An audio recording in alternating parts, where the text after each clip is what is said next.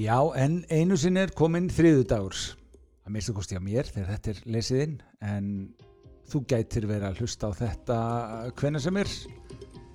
Þriðu dagurinn fjóruði júli 2023 og þar sem þetta hlaðvarp er nú svona kannski tilenga hverstasleikanu þá er nú svona fyrir eitthvað lítið um hverstasleika akkurat í júlimánuði það fer allt einhvern veginn úr skorðum.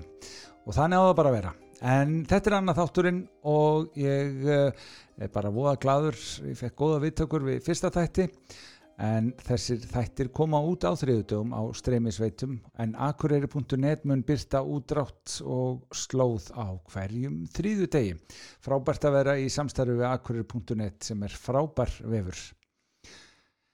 Ég verð alltaf forvittnari með aldrinum um mannlega hegðun. Þetta er að hluta til vegna þess að ég er að skapa karakteri leikritum og sögum og þess að þar. En svo er líka hinn ástæðan sem að ég verð enþá forvittnari núna er ástæðinu svo að ég er að vinna aðeins í sjálfu mér. Saði ykkur aðeins frá því í síðasta þætti að ég gekk á vegg og fór í kulnun og uh, þá fer maður að horfa svolítið mikið inn á við og uh, já, Þannig að þá erum búin að segja ykkur það og við tölum nú ekki meirum þessa kulnun í þessum þáttum eins og Guðmul Franka mín sagði það er ekkert gaman að hlusta einhverju sögur um eitthvað nefrensli og veikindi. En við erum öll með einhverja breyskleika við gerum ímislegt heimskulegt við sjáum eftir því, við erum fljótfærs og, þess áttar og auðvitað er þetta allt svona svolítið misjamt hvernig við erum. Eitt af engjönum okkar er til dæmis að við tökumst misvel á við mótlæti. Og eitt af mótlætinu er að tapa, að tapa í fótbolltaleik eða að tapa í spilum eða bara tennis eða hvað sem er. Af hverju fó þólir fólk svona misjaflega vel að tapa? Hvað setur í gang þessa tilfinningum sem fær okkur til að svitna, róðuna, kreppa, nefa og verða vittlaus? hugsið ykkur, maður sér alveg fyrir sér uh, einstaklingin sem er á fótboltavellinum uh, liðið er að tapa og uh, einstaklingurinn öskrar á til dæmis dómaran segir honum að hann sé hálfviti af því að það gengur illa og þarna fer í gang einhver einhver líðan, eitthvað sem fær fólk til þess að missa sig, tapa sér þegar það er að tapa. Og um, þetta þykir ég segi ekki eðlilegt en þetta er gert þetta gera margir í skjóli þess að, að þeir eru uh, með keppniskap. Þetta er náttúrulega ekki lægi að við töpum okkur þegar við erum að tapa. En ég er ekki hér til að dæma ég ætla bara að segja ykkur það. Þegar ég fór að googla af hverju verður maður tapsár eða eitthvað í þá verðuna þá leytist ég hann á vísindavefin og þar er fullt af spurningum en ósvöður náttúrulega en það er eh, ekkert um tapsæri þó eru spurningar eins og af hverju hlærmaður þegar einhver kýtlar mann? Af hverju ráðnum við þegar eitthvað vandræðilegt gerist? Er karlin í tunglinu til? Eru gemveru stórar? Á hvaða plánetu gerir Star Wars? En ekkert um af hverju verður við tapsár. Mér finnst þetta merkilegt hvað er lítið fjallað um þetta. Þetta sem fær eh, dagfarsprúða mannesku til þess að verða að skrimsli á einhverjum, já segjum fókbóltaleik þetta er eitthvað svona til að skoða. En þessu til stuðnings og þessum vangaveltum eh, þá ætla ég að segja ykkur sögu. Og þessi saga er leiðilega sönn. Ég byrði ykkur að taka eftir að þarna er sagan sögð algjörlega eins og hún eins og þetta gerðist. Það er engar íkjur og það er engu breytt.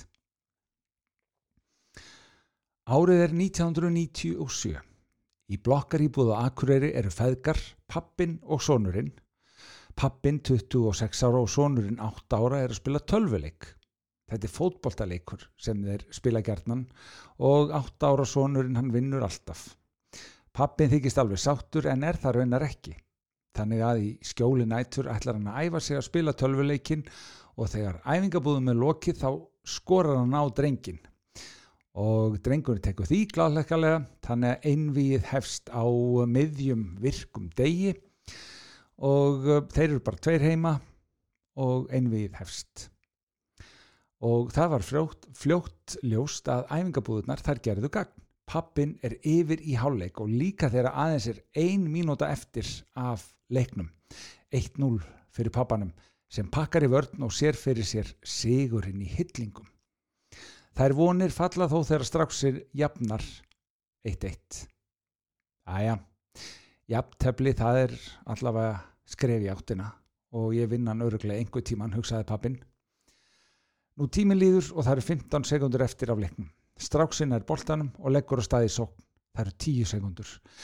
Nei, hún getur ekki tekist að skora. En þessi sókn er ansi efnileg 5, 4, 3 og strákurinn skorar. Leiktímin rennur út, leik, lokið, sonurinn, 2, pappin, 1. Pappin stendur upp svektur en ekki skal hann nú láta stráks að sjá svekkelsið. Takk fyrir leikinn, segir pappin og fer inn í eldhús til þess að vera einn aðeins með sjálfur sér, aðeins að róa sér neðurs. Ekki vera tapsár, muldra pappin, ekki sína veikleika og ekki vera tapsár. En þá brestur eitthvað innra með honum og höndin grýpur í bræðin í nærlíkjandi hlut á eldhúsbegnum sem var þroskaður og frekar dökkur banani. Og bananinn fær flugferð og endar í vegnum á eldhúsinu. Splass lekur svo niður vekkin og pappin stendur eftir skömmustulegur. Personur og leikendur í þessari sögu, sonurinn, Birkirörn, fadurinn, ég sjálfurs. Já, þetta er nástaðan fyrir því að ég fór að hugsa minn gang og velta fyrir mér af hverju maður verður svona tapsar og hvað er eiginlega til ráða. Ég er ekki búin að finna svarið. En þessi saga hefur verið sögð í mörg ár og nú segi ég ykkur hana og það verður aldrei vafist fyrir neinum hvor var þroskari þennan dag, pappin eða bananinn. Guð verið með ykkur.